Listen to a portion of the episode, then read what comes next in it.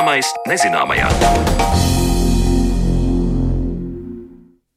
Esiet sveicināti raidījumā Zināmais nezināmajā ar jums kopā Sandra Kropa. Zem gultas un balkona, dārzā un pat vietās, kur šķiet nav nevienas dzīves radības, ir sastopami zirnekļi. To daudzveidība un dažādība izmērā, izskatā un uzvedībā ir patiesi pārsteidzoša. Tepat Latvijā ir apmēram 450 sugu. Kāda mīta par zirnekļiem valda sabiedrībā un kāpēc tie patiešām ir neparasti dzīvnieki, par to visu runāsim pavisam drīz. Taču līdz tam uzzināsim, kāpēc kukaiņi kož un dzēr.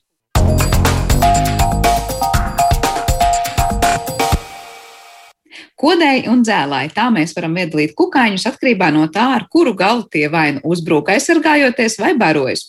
Kurš kukainis kož, kurš dzeļ un vai arī tādi miermīlīgi kukaiņi kā tauriņi mēdz kost, to manai kolēģei Zanē Lācē tūdaļ skaidros Latvijas Nacionālā dabas muzeja vecākais entomologs Uģis Pitrāns. Ne viss ir tā, kā tas izskatās.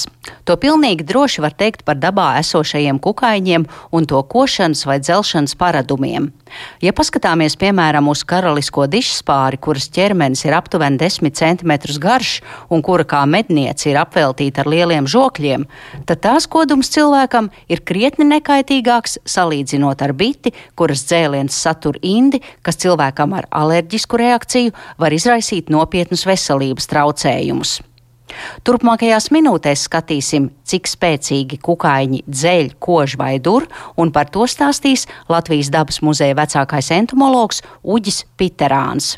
Tie paši sāpīgākie, kurus mēs tiešām sajūtam kā ļoti nepatīkami, vai tās būtu bites vai lapsenes, tās, protams, nekož tās dzeļ. Bet, protams, visi jebkuri citi kukaiņi, kuriem ir žokļi, viņi var mums iekost, bet tas kodens būs vairāk tāds vienkārši kāds ar pinceti. Mums iekniep mazliet, un tas nav tāds neatstāja ilgstoši paliekošs sāpīgas sekas. Bet iekost tiem, kam ir žokļi, visi principā var mēģināt un var arī iekost, kur plānā kāda. Un tie kodēji, kas tad ir no tiem kodēju kukaiņiem, kur cilvēkam mēdz iekost? Te arī jāatgādina, ka lielākoties jau koži ne jau tāpat vien, bet tikai tad, ja mēs viņus apdraudam, ja kukaiņš jūtas apdraudēts, un tas visbiežāk ir, ja mēs viņus paņemam rokās neuzmanīgi. Un, nu, te kodēji, nu, kam žokļi ir, tās var būt vaboles dažādas lielākas. Tad vaboles e, nedzeļ, vabolēm nav nekāda dzeloņa, bet viņiem ir liela žokļi, jo daudzas sugas ir plēsīgas. Viņas izmanto šo žokļus, lai apēstu citus kukaiņus, un tad, ja cilvēks paņem rokās kādu lielāku vaboli, neuzmanīgi, viņi var mums iekost tiešām ar žokļiem fiziski. Nu, ir arī teiksim, skudras, e, to, ko mēs zinām, ir sarkanās skudras. Tad tās ir dzelzceļa skudras, viņas mums tiešām dzeļ. Bet tās lielās meža skudras, kuras taisa tos lielos pūžņus, viņiem nav dzelonis, viņas mums kož. Kā ir ar dunduriem? Es esmu dzirdējis, ka dunduras snuķis atgādina urbi, un viņš ar to savu dzeloni vai ar snuķi ieurbjas miesā. Nu jā, tad mēs nonākam pie nākamās kategorijas. Tad tiem, kuriem mums nav žokļi vairāk, Jo gan dundriem, gan odiem, gan citiem, kas mums sūta asins, viņiem nav žoklis, viņiem tā tad ir snuķītis, ar kuru viņš mums tā kā iedur. Katrai no šīm dūrē kukaiņiem, dūrē sūcēju tipu mutes orgāniem ir nedaudz savādāk tā uzbūve. Kā jūs teicāt, dundriem ir tāds tā kā urbītis, odiem viņš ir vairāk tāds slaidāks, garāks, un visiem viņiem ir kaut kādas nedaudz atskabargas, ja mēs skatītos tiešām ļoti, ļoti lielā, lielā palielinājumā, jo nu, tas ir kukaiņa interesēs, lai viņš iedur, lai viņi tik viegli nevar no viņa atbrīvoties, bet viņš pats viņš var izvilkt viņam to vajag izdarīt. Tad odi, dunduri, dūrēji, un viņi dur ar snuķi, kas ir izvietots viņu galvas priekšpusē. Savukārt tie dzēlēji, lapsenes, bites, irši. Zelonis vienmēr būs eh, vēdera galā. Tas ir pārveidots mātīts dējeklis. Lielākoties visām plāspārņu, tātad mēs runājam bites, zaļlapsenes, kamenes, lapsenes, visiem ir dējeklis. Bet nu, šīm lapsenēm eh, šis dējeklis ir pārveidots par dzeloni. Jo nu, šīs darba lapsenes, šie kukaiņi, kas Tātad lapsiņu pūznī māte ir tikai viena, tāpat kā bitēm. Tad nu, pārējām lapsnēm šis dēklis nav nepieciešams. Viņas izmanto viņu kā dzeloni. Bet arī atšķiras tas dzelonis, ka bite iedzeļ un tad mirst, un lapsene vai irs var dzelt vairāk kārtīgi ar to dzeloni. Jā, tā tas ir. Jo lapsenēm eh, dzelonis, ja mēs skatāmies palielinājumā, ir tāds gluds, tā kā adata, tā kā lapām adata. Bet eh, bitē viņš ir atskabargēns, tā kā nu, žebērklis. Ja mēs skatītos lielā palielinājumā, tad varētu redzēt, ka Jā, ja bite iedzeļ, viņa pati principā nevar to dzeloni izraut. Bet lapsenēm ir tas, ka jā, viņi var iedzelt, mēs viņu aizdzenam prom, bet viņi atkal var turpināt dzelt, jo dzelons ir pilnībā gluds. Un, un tas varbūt ir nedaudz atšķirās tā bīstamība. Jo nu, lapseni bieži vien, kad viņi iedzeļ, tas indas daudzums, šie dzēlēji, plēspārņi, dzēlēji, kukaiņi bieži vien mums papildus ievada kaut kādu indi, kāpēc mums arī tiešām visvairāk šie dzēlieni sāp. Un, ja lapsenums dēļ, viņi bieži vien nespēja to indi ievadīt tik daudz, vai sirsens, piemēram, sirsens liels briesmīgs kukainis, liekas, ka viņam vajadzētu vairāk sāpēt, bet daudzos gadījumos tas nemaz tik ļoti dzēlēs nesāp, jo viņš vienkārši nespēja to indas daudzumu tik daudz ievadīt. Bet bita, piemēram, ja viņi iedzeļ, tad kamēr tas dzelons mums ir iekšā, ir pastāv tā iespēja, ka tā inda tiks turpināt ievadīt, un bieži vien tas bites dzēlēns sāp visvairāk.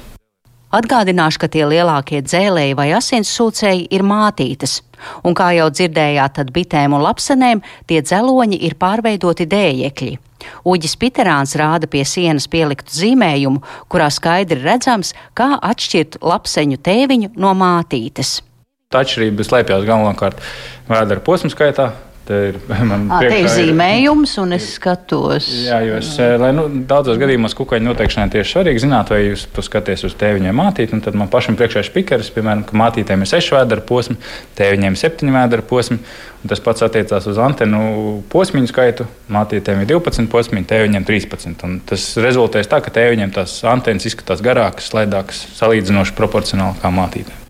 Par mušām runājot, parasti saka, ka mušas augustā kļūst niknas un kodīgas, bet te ir runa par dažādām mušu sugām, un tā negantā, kas parādās vasaras otrajā pusē, ir sīvā muša, kura pēc izskata ir ļoti līdzīga istabas mušai, tikai šai sīvajai ir garš snuķīts, ar ko tā sūc asinis. Skatot vēl uz citiem cilvēku tūmā dzīvojošiem kukaiņiem, ir jāmin blusas un blaktis.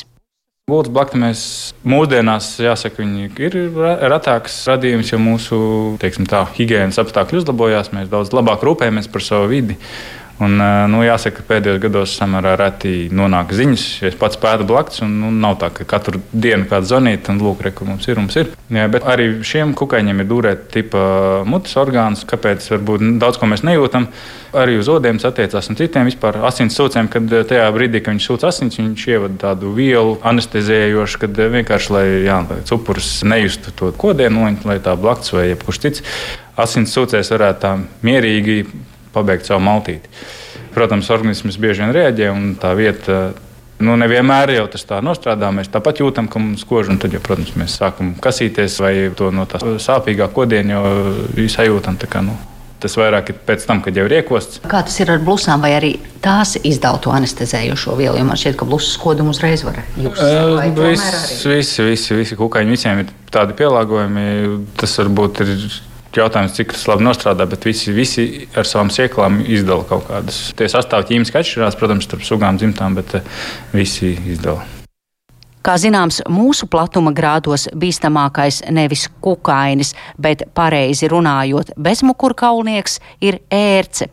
Tās mutes orgāni ir ļoti atskabargaini, un tāpēc ir vajadzīga prasme pareizi to noņemt, ja ērts ir piesūkusies, un bīstamība slēpjas ne jau pašā dzīvniekā, bet slimībās, ko tā pārnēsā.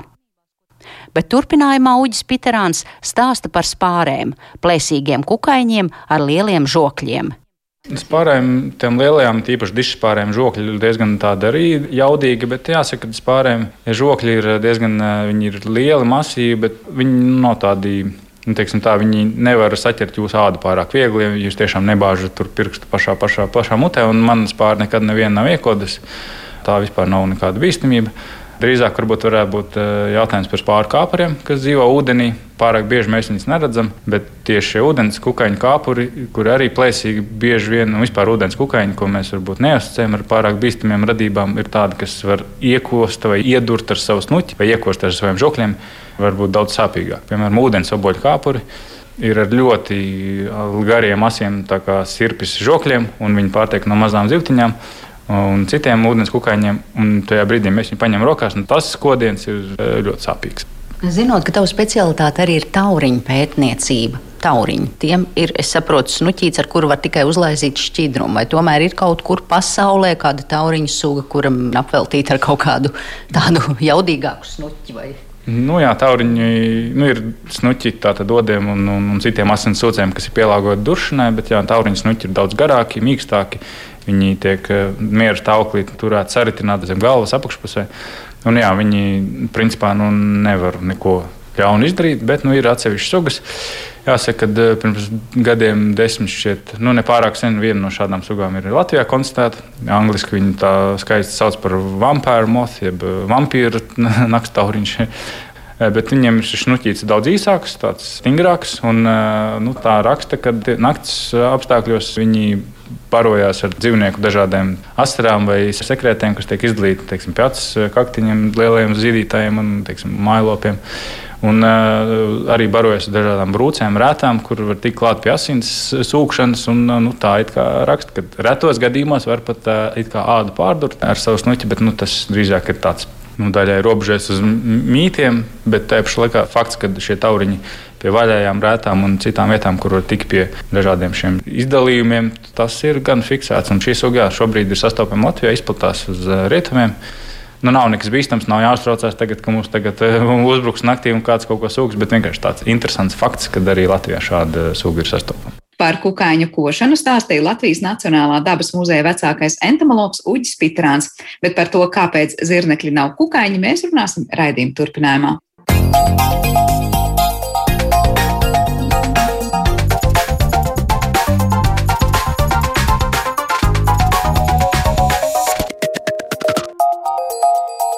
Zināmais nezināmajā. Gada bezmugurkalnieks ne pirmo reizi ir kāds zirneklis, un šogad tas ir zebra zirneklis. Zirneklis, kas neauž tīklus un prot lekt. Ir daudz dažādu mītu, kas valda par zirnekļiem. Šodien sarunā ar mūsu šīs dienas viešņu mēs centīsimies saprast, iepazīt un varbūt arī apgāst kādu mītu par šiem dzīvniekiem. Šodien mūsu attālinātajā studijā viesojas Latvijas entomoloģijas biedrības pārstāve, bioloģijas zinātņu doktora un Latvijas Universitātes bioloģijas institūta pētniece Ines Cera. Labdien jums! Labdien! Ja mēs paraugāmies uz to, ko visbiežāk cilvēki meklē internetā par zirnekļiem Latvijā, tad īstenībā pirmais, kas parādās, vai zirnekļi Latvijā kož. Vai nav tā, ka mēs patiešām dzīvojam tādā kā stereotipu pasaulē un var, vidē, kas varbūt ir uzbūvēts no dažādām filmām un, un stāstiem par to, ka nu, zirnekļi pavisam noteikti pirmais, ko darīs, uzbruks un kodīs. Kā jums liekas, vai zirnekļi Latvijā ir tādi mītu apvīti dzīvnieki, pamatot vai nepamatot? Jo vairāk cilvēku satiek, jo vairāk tā informācija nāk, un, un vairāk cenšos tos mītus arī apgāst. Ar zirnekļu košanu ir tā, ka lielie, nu, viņi var mēģināt visi kost. Ja viņi to, to tiešām grib, bet parasti jau zirneklis mēģinās aizmukt, izvairīties un, un, un neiet ar duelus ar, ar cilvēku. Cilvēks ir cik reizes lielāks par zirnekli. Uh, savukārt tie lielie zirnekļi, nu, kā riteņzinekļi, ko mēs vasaras beigās ļoti labi redzam, tā tīkla vidū sēž. Vai, piemēram, tagad aktuāli palicis un raksta ēpastus par uh, lielajiem mājas zinekļiem. Mājas zineklis un, un dižais mājas zineklis. Viņi abi ir diezgan liela izmēra, un viņi arī spējīgi iekost cilvēkam. Bet vai viņš to darīs, nu, to neviens nevar pateikt. Un parasti jau viņi kož nu, tā gadās.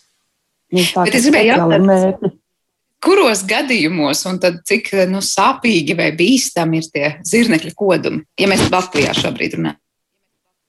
Ja, tur ir dažādas tās sugas un dažādas reakcijas. Tas, ko es par mājas zirnekļiem esmu lasījusi un arī ko man teikuši cilvēki, nu, tāds tā kā lapsenes dzēliens ir bijis, un tad pāris dienas tur ir apsārtums. Bet tas ir atkarīgs no cilvēka, nu, cik viņš ir alerģisks uz to kodumu. Bet tā, ka nāves gadījumā vai tur koms, koma un vēl kaut kas, nu, nē, nav.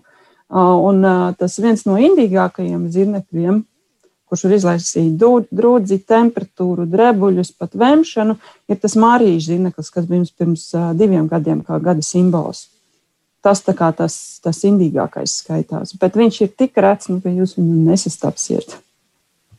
Un tā var būt, ka tas dzīvnieks tiešām iekošs, kas ir, ir jānobaida tas dzīvnieks vai kaut kā speciāli jārada. Nu, viņam, viņa prāt, draudz situācija. Kas ir tas, kas dzīvniekam var likt justies tik apdraudētam, lai tas kost? Uh, iekodīs tajā brīdī, kad jūs viņu neredzēsiet un nejauši viņu aizskarsiet. Ja jūs viņu ieraudzīsiet, nu, lielākā daļa cilvēku mēģinās izvairīties. Vēl ko darīs, ņems, uzslaucīs uz šaupalītes, izmetīs ārā, iespundēs burciņā, nu, visu ko citu. Bet man tikai, lai nebūtu tā saskara pašu zirnekli. Un lielākoties tie kodumi ir nu, nejauši. Nu, neesi redzējis viņu, viņš aizsargājoties, nu, iekniegi. Mēs jau zinām, kā mums, piemēram, lapsenis, kas, protams, nav zirnekļa veidīgie, bet tie ir kukaiņi. No apseņas arī viens viņus iekodīs speciāli, bet citreiz, ja tu viņu piespiedīs, viņi arī iedzels tev. Bet kā ir ar zirnekļiem, nu, vispār citam ar citu, kuros gadījumos viņi piekopja to košanu? Vai tas ir tad, kad mm, viens īpatnis mēģina pasargāt sevi no cita zirnekļa, vai tas ir kāds cits ārējais ienaidnieks? Kad, kad zirneklis liek lietā savus, kā saka, zobus? Tad, kad viņam priekšā ir barība, jo, jo viņam jau zobi, zobi heliceras ir vajadzīgas tam, lai noķertu upuri, pieturētu viņu un ielaistu gremošanas sulas iekšā. Tā kā nu, viņu paralizētu un, un sāktos gremošanas procesi kukaiņa iekšpusē. Tā kā speciāli košanai, nu, kā mm -hmm. mēģināt aizsargāties, nu, nē. Tad tā ir īstenībā barības meklēšana. Ja? Jā. Nu jā, bet tajā brīdī, ja cilvēks nejauši to zirnekli ir, piemēram, tam pieskāries, zirneklis domā, ka tā ir barība, kurā jāiekožas, ja tā. Nē, tad tā ir aizsardzības reakcija. Bet cik liela tad kopumā sanāk procentuāla daļa no zirnekļiem vispār kož? Tā būs tā mazākā? Vai vienkārši mums sastopamā mazākā? Pie mums ir mazi zirnekļi, mazi izmērā. Nu, tas lielākais ir no galvas priekšdaļas, no galvkrūšu priekšdaļas līdz vēdera galam ir 2 cm. Tas ir samērā mazs zirneklis. Nu, šie lielie, kas ir tuvu 2 cm, nu jā, tad viņi būs spējīgi. Bet tā, tie ir ļoti mazi zirnekļi, kas to spējīgi izdarīt. Lielākā daļa mums ir ap centimetru un, un vēl puscentimetru maziņi. Nu, tie neko nevarēs izdarīt mums. Ar ko tas ir? Lielie, jā. jā. Ar ko tas ir izskaidrojams, ka pie mums tādi mazāki ir? Kādi vidas apstākļi vai, nezinu, ārējie faktori ietekmē to, ka pie mums nu, tie lielie nemaz tik ļoti nedzīvo? Mums jau ir četri gadi laiki, zirnekļiem arī ir jāpārdzīvo ziema. Un, uh, viņi ir pielāgojušies šim apstākļiem, un tāpēc ir izmēros mazāk. Mums nevajag nevienu lielo zirnekli, mums tie ir eksoti varam aiziet uz zooloģisko dārzu, paskatīties, vai kādam ir privātā kolekcijā, bet nu, Latvijas apstākļos viņi neizdzīvot. Bet uz citu dzīvnieku fonu zirnekļi ir tādi no vidas prasīgi, vai viņi atradīs sev to piemērotāko dzīvotni un apstākļus, nu, jebkuros apstākļos? Ai, tur ir diezgan daudz ko stāstīt par, par um, zirnekļiem un dažādām dzīvotnēm. Līdzīgi kā kukaiņiem, kuri ir sastopami daudz un dažādos biotopos, tad tiem ir arī tādi, kas ir sastopami noteiktos biotopos, noteiktos vides apstākļos. Vai tas, piemēram, tikai purvs zīmeklis, vai tas ir pļavas zīmeklis, vai viņš tikai dzīvo uz koku mizām vai zem koku mizām apakšā. Ir tādi, kur sastopam visu un, un daudzās vietās, un ir tādi, kas tikai noteiktās vietās, vai, piemēram, koku augšējos slāņos vai krūmu, krūmu slānī daudz un dažiem. Piemēram, tie paši mājas zīmekļi. Tie ir tikai un vienīgi mājās vai ap cilvēku mājoklī, šķūnīšos, būdiņās, tādās vietās. Eh, kas ar tiem mājas zirnekļiem tik ļoti nu, cilvēku tuvumā vēlams, vai, vai viņiem mēs varam teikt, atvieglojam dzīvi ar savu dzīves vidi. Mēs patiesībā viņiem radām lieliskus apstākļus, kur paslēpties un ko ēst. Varbūt vari pastāstīt vairāk par mājas zirnekļiem, kā tie dzīvo. Un kāpēc tas mūsu cilvēku tuvums viņus tik ļoti nemaz nebiedē? Tas ir mūsu māja, nu, cilvēku mājoklis, tur ir noteikta temperatūra. Arī nu, cauru gadu, labi, tur par dažiem grādiem samazinās, bet nu, cauru gadu viens un tas pats. Nu, tas ir stabila vide. Nekas diži nemainās. Pārtika. Man cilvēki saka, ne, kā zinekļi man mājās dzīvo, bet man nav, nav ko tad viņi ēd. Es saku, nu, droši vien ir zvīņenes, citi mazie kukainīši. Rudens pusē tie, kas vairāk ar kompatu, kompatu taisīšanu, konservēšanu nodarbojās, tad augļu mušiņas sāk lidot. Ir daudz un dažādi kukaiņi, kas arī dzīvo mājās, un ir tā barība zinekļiem. Un tas jau nenozīmē, ka zineklis ēdīs tikai kukaiņus. Zineklim būs pieejams cits zineklis, viņš var arī apēst citu zinekli. Viņš ir izmērā mazāks un iespējams viņu noķert. Um, jā, mājas tā kā tās stabilās vietas, kur viņiem būt un, un pasargāties no, no ārējiem faktoriem. Un arī plēsējo mājās nav. Kaķis var būt vienīgi vai suns. Jā, tā kā, vai ne, tā kā esam parūpējušies par tādu stabilu prognozējumu dzīves vidi zirnekļiem arī savos mājokļos. Tad, kad mēs runājām pirms kādu laiku šajā pašā raidījumā par prūsakiem, tad mums izskanēja tāds viedoklis, ka nu, cilvēki ir sākuši gana tīrīgi arī dzīvot, un, un daudz kas ir mūsu mājokļos tāds, kas nu, vairs šiem prūsakiem nav tik piemērots, līdz ar to viņi mūsu mājokļos varbūt tik bieži neusturēsies. Vai par zirnekļiem var teikt, ka no nu, zirnekļu klātbūtne mājokļī ir varbūt, nu, ja tā var teikt, tādas netīrības pazīme, vai tam nav nekāda sakara ar to, kādā un cik tīrā vidē mēs dzīvojam. Zirneklis var atrast savu piemērotu vietu arī tad, ja mums nav kaut kādas aizbirušas drupačas, es nezinu, aiz kādu no skapīšiem. Vai ir, piemēram, jauna māja, bez malkas apkuras, tikai ar, ar gāzes apkuru, piemēram, un netiek nekas nests no ārpuses iekšpusē, var garantēt, vai var pieņemt, ka tur zīmekļu nebūs. Jā, tiek nests kaut kas iekšā no ārpuses, durvis tiek stāvā, stāv vaļā vai, vai kas, nu, tad zinekļi var ieceļot mājās. Uh,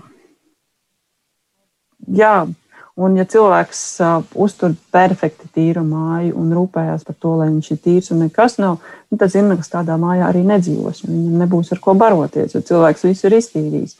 Mans tas viedoklis tā ir labāk, lai ir bioloģiskā daudzveidība mājās. Ja tev ir zineklīts, Nu, ja tu viņu redzi, man, man bērnībā stāstīja, nu, tad tev pienāks kāda laba ziņa. Nu, tas atkal saistīts ar to ve, veco laiku ticējumiem un, un, un paražām, bet jā, nu, tā kā labvēlības simbols, veiksmes simbols tikpat labi var būt. Ja tev mājās ir zirneklis.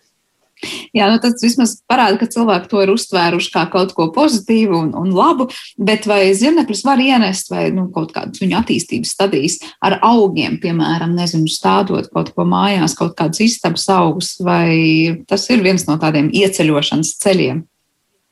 Tas var būt, ja, piemēram, no vienas citas mājas tiek atnests uz, uz, uz šo te māju. Var gadīties. Man ir bijušas ziņas ne, ne tieši par augiem, bet, piemēram, par malku malku nes iekšā, un ar malku mēs ienesam arī to zirnekļus iekšā.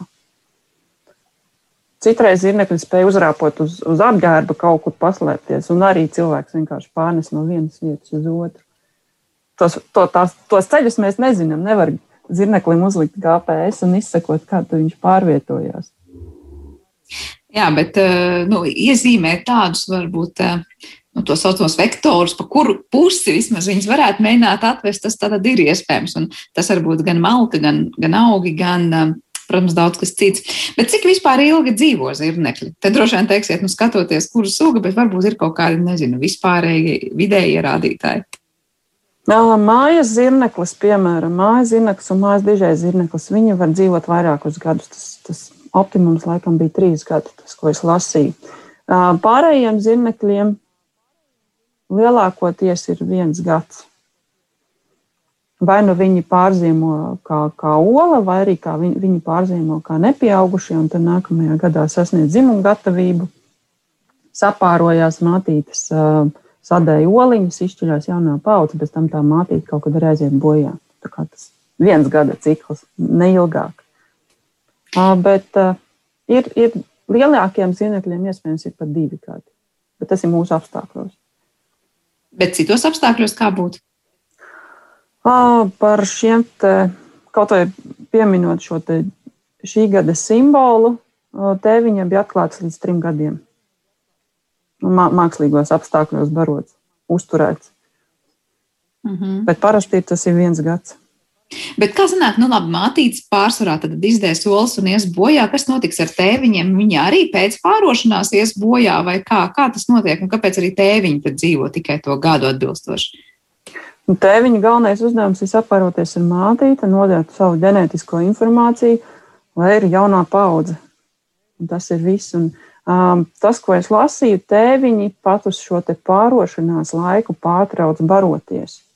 Viņi tā kā meklēt to savu potenciālo pārošanās partneri. Un, un lielākoties te viņi pēc tam arī aiziet bojā. Viņi savu funkciju ir izpildījuši. Kāpēc viņi pārstāja baroties? Kas viņiem ir? Viņiem citādāk ir vai nu vainu, vai nu barošanās, vai nu pārošanās. Kāpēc tas nevar būt gan, gan? Tas nav svarīgi viņiem. Iespējams, ka tas ir, tas ir tā ir tā atbilde. Viņa meklē mātīti. Un, lai, lai samazinātu laiku barības meklēšanai, viņi pārstāj baroties un tad, meklē to mātīti, lai sapārotos. Jā. Tad pamatīgi upuru nešana nākamās paudzes vārdā nāk dzirnekļu pasaulē. Ir. Bet ar, ar sakām, jo viņa ģenētiskā informācija ir nodota jaunai paudzei. Tad, tad suga turpina eksistēt. Kā ir eh, zirnekļu gadījumā? Nu, es saprotu, ka ir sugas, kurām varbūt būs daudz pēcnācēju un izdzīvos tur salīdzinoši mazs skaits, savukārt ir citi, kur rada salīdzinoši maz pēcnācēju, bet tad izdzīvo gandrīz visi. Kā ir zirnekļu gadījumā? Tur tas procents, kas izdzīvos, būs augsts vai zems? Zems. Jo diezgan eh, daudz aiziet bojā, ceļojot, meklējot jaunas dzīves vietas, arī pārzīmojot, cik veiksmīgi ielien paslēpties no ziemas apstākļiem. Tā kā ļoti maz ja, ja rēķinu uz to vienu, vienu mātīti, kur sadēja pāris simts olām, un, un cik daudz tur izdzīvo. Maz. Bet zīmekļi ir daudz pasaulē. Jā, nu, protams, pasaules daudzveidība, protams, ir plaša. Un, kā mēs jau sāk, sarunas sākumā teicām, pie mums tie nu, niknākie vai indīgākie ir salīdzinot ar pasaules fonu tiešām nemaz ne tik indīgi un tik bīstami. Bet kā ir ar tiem jaunajiem zirnekļiem? Nu, tā tad izdē, mātīt izdēja olas, pati pēc tam iet bojā. Jaunie zirneklīši pēc tam viņi jau, kā saka, nav ne apmācāmi, ne par viņiem kāds rūpējas. Viņi tikko kā sasniedz kaut kādu noteiktu izmēru vai es nezinu, kura dzīves gatavību, ir gatavi doties dzīvē un māk pilnīgi visu. Tātad gan tikt pie barības, gan, jā, par tiem tīkliem arī vēl parunāsim, uzaust tīklu vai, vai atrast mātīti vai tēviņu atbilstoši. Kāda ir tā jaunā zirnekļa dzīve? Viss ir instinktos un arī jau iekodēts gēnos. Par stratēģijām attiecībā uz mazuļu aprūpi. Nu jā, lielākoties tie mazuļi pēc izšķiršanās sāk patstāvīgu dzīvi. Sākumā viņi meklē mazākus barības objektus. Ir novērojams dažām sugām arī kanibālisms, tas, ka lielāks mazulis apēd mazāku mazuli. Tas ir tā rēķina, lai, lai veiksmīgāk izdzīvotu. Um, Tad uh, ir mātītes, kur, kuras par tiem bērniem rūpējās, piemēram, uh, no vilkzirnekļiem. Uh, apmēram divas nedēļas nesā uz muguras pēc izšķiršanās. Tad droši cilvēki novērojuši, ka pārvietojas zirneklis ar tādu baltu bumbiņu vēdera galā. Un tas ir tas kokons, kur iekšā ir oliņas, un tie ir vilkzirnekļi. Tā kā tie mazuļi izšķirās, viņi skaisti celina mammai uz vēdera un divas nedēļas ceļo līdzi. Nu, meklē tos varības objektus, nu, ko viņi var apēst tad mazākus. Šajā gadījumā kolembols ir viens no tiem galvenajiem. Vēl cits, kas, kas skaitās pie aprūpes, ir māņkrabs zirnekļi, mātītes, izdēja oliņas, ietintās oliņas uz kaut kādas vietas, koka mīzes, kaut kādā paslēptuvē un uzlien virsū, tā kā uzguļās. Un tikko tie mazie zirnekļi sāk šķilties, viņi nobeidzās. Par tiem mehānismiem es nevaru pastāstīt, bet viņi nobeidzās, un viņi ir kā pirmā varība mazuļiem, kā sasniegtu nākamo nu, līmeni, pieaugšanas ziņā, un tad spētu paši ceļot. Tad tas patiesībā kaut kādā mērā izskaidro, kāpēc mātīte iet bojā. Viņi var teikt, nodrošina to, ka zirnekļiem uzreiz ir barība pieejama pirmā. Uzreiz pirmā barība, jā. Um, bet lielākoties, ja viņi izšķiļās un, un ceļo, un, un rudens pusē ir tā, ka mēs redzam, zīmekļi lido, pārvietojās, un, un tos mazuļus varbūt mēs redzam vairāk nekā tos lielos. Bet lido kaut kādas noteiktas sugas tikai zirnekļi vai savā attīstības noteiktās stadijās to dara visi? Um, mazuļi varētu būt, ka visi lido. Vienkārši pārvietojās no vienas vietas uz otru, meklējot to labāko biotopu, kur dzīvot. No lielajiem zinekļiem izmēros mazākie. Un tas par mātītēm mazāk esmu lasījis par tēviņiem, ka tēviņi ir spējīgi arī lidot, tie, kas ir tādi mazāki un kuru, kuru, kuru kopā ar tīmekli vējš spēj pacelt gaisā un aiznest tālāk. Bet piesauktais tīmeklis, kā ir, vai visi zirnekļi auž šos tīklus? Nē.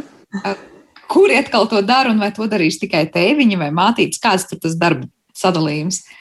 Um, tā starp zirnekļiem, zirnekļi pēc ekoloģijas daļā, dalās uh, trīs grupās, pēc tā kā viņi iegūst barību. Uh, vieni ir tie, kas veido tīklus, Un tīklus mēs, mēs nedrīkstam domāt, ka visi zīmekļi veido tos riteņveidu tīklus, bet tīkli ir daudz un dažādi. Arī tam, piemēram, mājas zīmeklim tāds piltuveidīgs, tāds samazglojums un ar piltuvīti, kas aiziet tā kā bišķi tālāk, un viņš tajā piltuvītē tur sēž iekšā. Um, tad ir tādi labirinti tīkli, tad ir um, um, segveidīgie tīkli, kas ir segzīmekļiem. Tā kā paklājiņi, paladziņi uz, pļavas var redzēt reizēm. Um, nu, tā bija viena grupa. Otra grupa ir tie, kas uh, aktīvi medī. Un pie tiem pieder mūsu objekts lēcēji zīmekļi, entomoloģijas biedrības gada simbols, un uh, vilkzīrnekļi, piemēram, un, un vēl ir citi, kas ir aktīvie mednieki, kas pārvietojās, ko mēs arī bieži redzam, pārvietojas no vienas vietas uz otru, meklējot tos barības objektus. Un tad ir trešā grupa, kas ir um, sēdi un gaidi mednieki. Un tie būs zīmekļi, kas sēdēs vienā vietā un gaidīs, kad barības objekts pats pienāks klāt vai pielidos. Un starp tiem ir krabzīmekļi, kas izskatās, nu, tur daudz un dažādas sugas, bet viens piemērs, kas nāk spilgt prātā, ir tas dzeltens zaļais zirneklis, kas sēdēs uz pienenes un gaidīs, kad kamene pielidos klāt. Kamene to zirnekli neatšķies, jo viņš ir dzeltens. Tā kā saplūst ar pārējo to pienenes krāsu, Un, un dzirdeklim atkal ir labums, viņš tiek pie tās barības. Nu, jā, kamēr ir diezgan liels objekts, bet viņi ir spējīgi viņus noķert. Uh, tad ir maņkrabs zinekļi, kas arī ir uh, šeit sēdi un gaidi mednieki.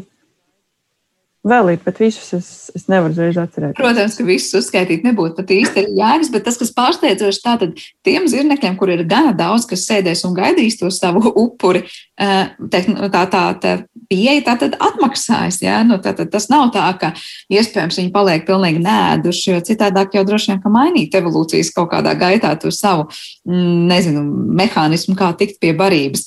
Tātad pacietība dabā atmaksājas, tā var teikt. Jā, noteikti. Cik lielā mērā pašai zirnekļu tīkli ir, es nezinu, atminēta mīkla vai neatminēta mīkla pētniekiem un vispār zinātnes pasaulē? Saprotu, ka mums ir virkne arī mm, novirzienu zinātnē, kas skatās, kā atdarināt dažādas dabā lietas, un zirnekļu tīkls ir viens no tiem, lai meklētu izturīgus, bet plānus pavadienus vai līmes vai daudz ko citu. Vai tā mīkla ir atminēta zinātniekiem? Kas ļauj tos tīklus veidot tieši tādus, kādus to veido, un cik ļoti izturīgi tie patiesībā ir?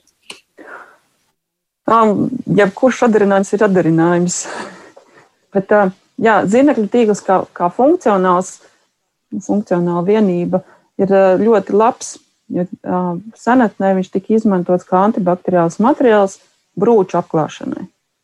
Viņš atvēra baktērijas, atvēra arī ūdeni cit, citas reizes, un, un, un, un cilvēki to senatnē ir izmantojuši. Tagad arī mēģina to darīt. Un ne tikai kā pārklājumu, tas, ko es lasīju, bet arī, piemēram, asinsvadu sieniņu uh, veidošanai. Um, vēl dažādi citi materiāli, ko es tagad nenosaukšu, bet jā, kad vairāk tā kā medicīnā tiek izmantots. Tā ir tās elastības, uh, dēļ antibakteriālo īpašību.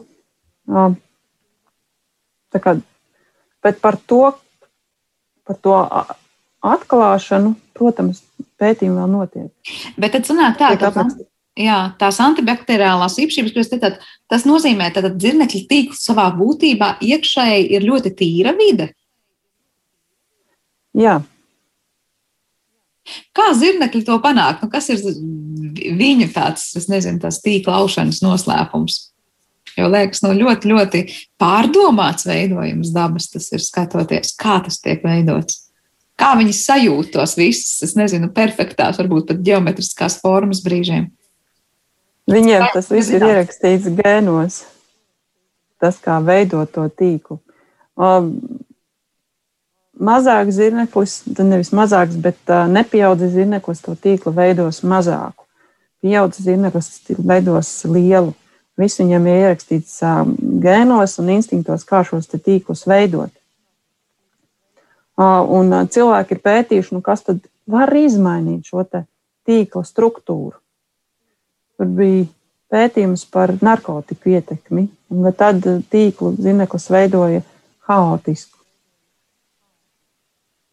Bet tā, cik lielā mērā tas ir tāds nu, energo, var teikt, ietilpīgs process, proti, lai veidotu tīklu, tas prasa zirneklim daudz enerģijas. Viņam ir jādomā, jo lielāku tur vai spēcīgāku tīklu izveidos, jo vairāk viņam pašam barības būs jāmeklē un jāpēda.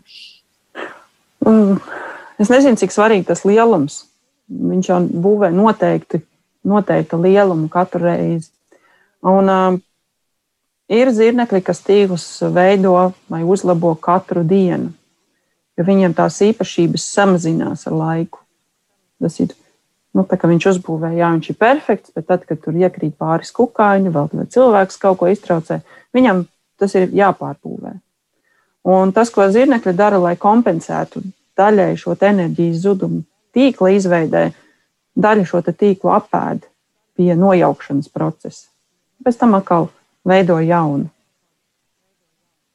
Tā kā tāda aprits ekonomika darbībā, man liekas, viņiem ir vai ne to, kas ir palicis pāri vai jānojaukt, tas jāpārvērš resursā.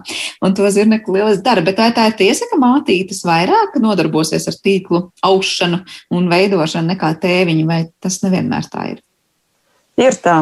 Ir sugas, kurām ir um, abi dzimumi, bet ir sugas, kurām tikai mātītes. Jo tēviņš atkal ir tas, tas jaunās paudzes uh, nodrošinātājs.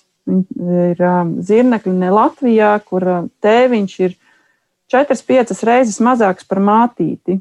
Un viņš sēdēs kādas mātītes tīkla maliņā un gaidīs, kad mātīte būs sasniegusi to dzimumu gatavību. Un tas nozīmē, ka viņš tīklu nemaz neveido. Viņš tā kā daļai parazitē uz mātītes, bet tāpat, lai viņš vispār nebarojās un gaida, kad mātīte būs gatava pāroties, un tas process notiks. Jā, teikt, ir rindā pirmais un noteikti negrib savu rindu pazaudēt. Bet eh, cik lielā mērā tā proporcija ir, nezinu, zinekļu pasaulē, kur ir dzirdēts, ka mātīte pēc pārošanās apēd to tēviņu, tas ir tāds mazākums vai tas ir vairums gadījumu, ka tā var notikt? Visu laiku es domāju, ka tas ir lielākā vairumā gadījumu. Tagad sameklēju informācijas avotu, ka nē, tas visos gadījumos nav. Um, un, ja tēviņi arī piekop dažādas stratēģijas, lai izvairītos, lai mātīte nepārprastu viņa vēlmi. Uh, tā, Tātad tēviņš vēlās pāroties, bet mātīte to tēviņu var uzskatīt arī nu, nevis par tēviņu, kas nāk pie viņas ciemos, bet piemēram par, par barības objektu. Un, ja mēs tagad aizlūstam pie, pie tēviņa uzvedības. Tēviņi, jā, taškārt viņi stāv rindā, bet vairāk es neko nevaru pateikt. Bet uh, otrs ir daudzām da, dažādām dzimtām, dažādām sugām raksturīgas pārošanās uzvedības. Un vairāk tas ir no tēviņa puses, dažādiem kustībām, uh, ritmiem, tipināšanu, vibrācijām. Viņš pasaka, ka es esmu tavas sugas pārstāvis un es vēlos ar tevi pāroties. Nu, tas ir kāds zināms laiks, un tad mātīte vai nu domā, ka tas nav viņa sugas pārstāvis, ja, ja saprot to um, signālu, ko tēviņš dod, tad jā, tad viņi atļauj viņam pāroties. Bet par to apēšanu tas ir kā uh, kuram un cik atkal tēviņš ir veiksmīgs, ka viņš pēc šīs pārošanās ātri aizdinās lapās. Un ka mātīte nespēja noreaģēt. Tad patiesībā aizmukuši ir tie tēviņi, kas nav apēsti. Ja? Nevis tas, ka varbūt mātīte vienkārši nē, šos tēviņus. Arī var būt dažādi. Varbūt tā, ka ķer. Jā. Jā, droši. varbūt tā, ka mātīte noķer, bet varbūt arī, ka mātīte neķer to tēviņu, tēviņš aiziet tālāk. Bet kopumā izklausās tāds nu, diezgan matriarchāts, tā zir, zirnekļa pasaule, kur mātīte nosaka ļoti daudzas lietas, un viņa ir tā, kas ir lielāka, varbūt pat arī nezinu, vai spēcīgāka, bet lūk, tīklu uzaudīs mātīte, un bieži vien arī tēviņu pēc pārošanās apēdīs vai aizdzīs. Vai tā gluži nevar teikt? Tā varētu teikt daļēji, ka tas atbilst patiesībai, ka mātīte var apēst tēviņu, bet var arī neapēst. Par to arī notiek pētījumi, jo mēs visu jau arī nevaram zināt, kas notiek dabā. Mēs skatāmies, kas notiek um, nu, mākslīgos apstākļos. Un tad mēģinām attiecināt to uz, uz, uz to, kas notiek dabā. Jā, nu tad būtu droši vien interesanti padomāt, dabā diez vai, nu es nezinu, kāda novērojuma ir veikta, bet nu, mākslīgos apstākļos, kā ir ar diennakts režīmu, ir kaut kādas nu, tās aktīvās un mazāk aktīvās stundas diennakts kontekstā zirnekļiem, vai tur vēl nezināmo daudz un jautājumu daudz? Um, ir dienas aktīvie zirnekļi, ir nakts aktīvie zirnekļi, un ir zirnekļi, kuriem šīs aktivitātes neietekmē gaismas vai tumsas klātbūtne. Tā kā es arī lasīju par to pārošanos, ir zīmekļi, kuri pārojas tikai dienas laikā, un zīmekļi, kuri pārojas arī naktas laikā. Bet tad šīs sekmes ir mazākas, jo tad iztrūkst, piemēram, tas vizuālais novērtējums no mātītes puses. Tas ir sugas pārstāvis īstais vai nav. Jā, varbūt viņai tajā brīdī ir kaut kāda cita, es nezinu, sensori, kas ieslēdzas un pasaka, ir vai nav īstais sugas pārstāvs. Protams, ka es tā jūtu, ka jautājumu arī pašiem pētniekiem vēl ir daudz, un dzirnekļu pasauli par mums tiešām var parūpēties par daudziem neatbildētiem vēl jautājumiem, bet varbūt pavisam vienkārši jautājums no manas puses jums kas daudzus cilvēkus mulsina. Nu, kāpēc zirnekļi tomēr nav kukaiņi? Jo pēc um, nu, tā ārējā izskata dažkārt liekas, nu, protams, ka kukaiņas. Kāpēc gan ne? Varbūt varat izstāstīt atšķirību, kāpēc mēs tomēr zirnekļus nepieskaitām kukaiņu klasē. Nu tā, tā vienkārši runājot, es arī citiem cilvēkiem saku, tā, reku jums ir zirneklis un reku jums ir kukainis. Izskaitiet tagad kājas, cik ir vienam, cik ir otram. Kukainim ir sešas, zirneklim ir astoņas. Tas ir viena no pamanāmākām pazīme, pazīmēm. Nākamā, ko es saku, labi, tas ir no vienkārši no pazīmēm, kas tad vēl, vēl, vēl varētu būt. Kukainim ir galva krūtis vēders, zirneklim ir galva krūtis un vēders. Tā kā divas ķermeņa daļas. Ja tagad padziļināti paskatās sistemātikā, kas, kas protams, ir bišķi sarežģītāk, jā, viņi pieder kopējam tipam posmkāji bet tad dalās. Ir kukaiņu klase un zinekļu veidīgo klase. Tā kā divi dažādi nodalījumi. Un, ja vēsturiski skatās, tad zinekļi ir vecāki par kukaiņiem, vismaz attīstības vēstures ziņā. Ceru, ka es atbildēju uz jautājumu. Jā, ļoti interesanti. Es tieši klausos par to, ka nu, tas nozīmē, ka mums tādi ļoti, ļoti pieredzējuši līdzgaitnieki uz zemes ir zirnekļi. Viņi tātad ir daudz vecāki arī par, par kukaiņiem. Eh, bet noslēdzot šo sarunu, nu, labi, mums tātad zebras zirneklis ir tas šī gada lielais mm, simbols dabas, vai tas ir ka kaut ko jūsuprāt Latvijas dabā, nezinu, par maz iepazīts, par maz novērtēts, par maz pamanīts? Likās arī interesanti cilvēkiem parādīja, ka zirnekļu nosaukumi arī ir dažādi. Nu, nav tikai zirnekļi, zirnekļi, tas krāsainais vai tas pelēkais vai, vai vēl kas. Bet tieši zebra zirnekļi, strīpainie zirnekļi, ja mēs domājam par zebru un strīpām. Un otrs bija tas, ka lēcēji zirnekļi, viņi lec un tādā veidā pārvietojās un meklēja sev barību. Un otrs fotogrāfiem dabas, dabas ratumu un, un, un iemūžinātājiem tas būtu izaicinājums noķert to zirnekli. Bet es skatījos pēdējās bildes no, no Uģa Piterāna. Viņš ir atradis labu metodi, kā to zirnekli atstāt uz vietas, iedodot viņam barību. Tā kā humānākas metodas parādās arī mums nofotografējot, bet katrā ziņā uh, zebras zirneklis mums parūpēs par to, lai mēs vienkārši apjaustu, cik dažādi var būt zirnekļu pasaule, un ka arī Latvijā mums to ir gan daudz un ļoti dažādi. Bet tad sanāk tā, ka, nu, ja mēs runājam sarunas sākumā par to, ka dzīvnieklis mājoklī nu, ne, nevienmēr nozīmē kaut ko sliktu, vai ir jādomā, ka māja ir pavisam netīra, uh, ir tāda labā funkcija, ko zirneklis mums palīdz uh, mājoklī veikt. Nu, proti, viņš varētu būt, ka viņš izķers tur kaut kādas augļu mušiņas vai vēl kaut ko citu. Zirnekļi ir vislielākie kukaiņu skaita regulātori. Tas ir ļoti lielu apjomu kukaiņu. Viņi vienkārši apēda, un mēs to neredzam. Viņi ir kaitēkļu apkarotāji, viņi ir kukaiņu ēdāji un tā kā sava veida regulātori. Tā kā var teikt, rūpējas par līdzsvaru dabā un arī mūsu tuvākajā apkārtnē. Zirnekļi pavisam noteikti neaizvietojami un, kas ir interesanti, tiešām tādi ilgdzīvotāji mūsu planētas kontekstā. Nu, ko es teikšu, lielu paldies par šo sarunu. Es saprotu, ka par te katru no zirnekļiem mēs varētu runāt atsevišķi, jo interesantais par to, kā viņi dzīvo, kā viņi savstarpēji attiecas viens pret otru un kādas ir šīs arī kaut vai mazuļu laišanas pasaulē stratēģijas un nešanas vai sargāšanas arī ir dažādas. Bet eh, šajā raidījuma pusstundā atgādināšu, ka mēs dzirdējām Latvijas Universitātes Bioloģijas institūta pētnieci, bioloģijas zinātņu doktoru un arī Latvijas entomoloģijas biedrības pārstāvi Inesu Ceru. Ar to arī raidījums ir izskanējis un par to parūpējās producenta Paula Gulbīnska. Mūzikas redaktors šai stundai bija Girds Bišs, bet ar jums kopā es Sandra Kropa. Mēs tiekamies jau pavisam drīz. Visu labu!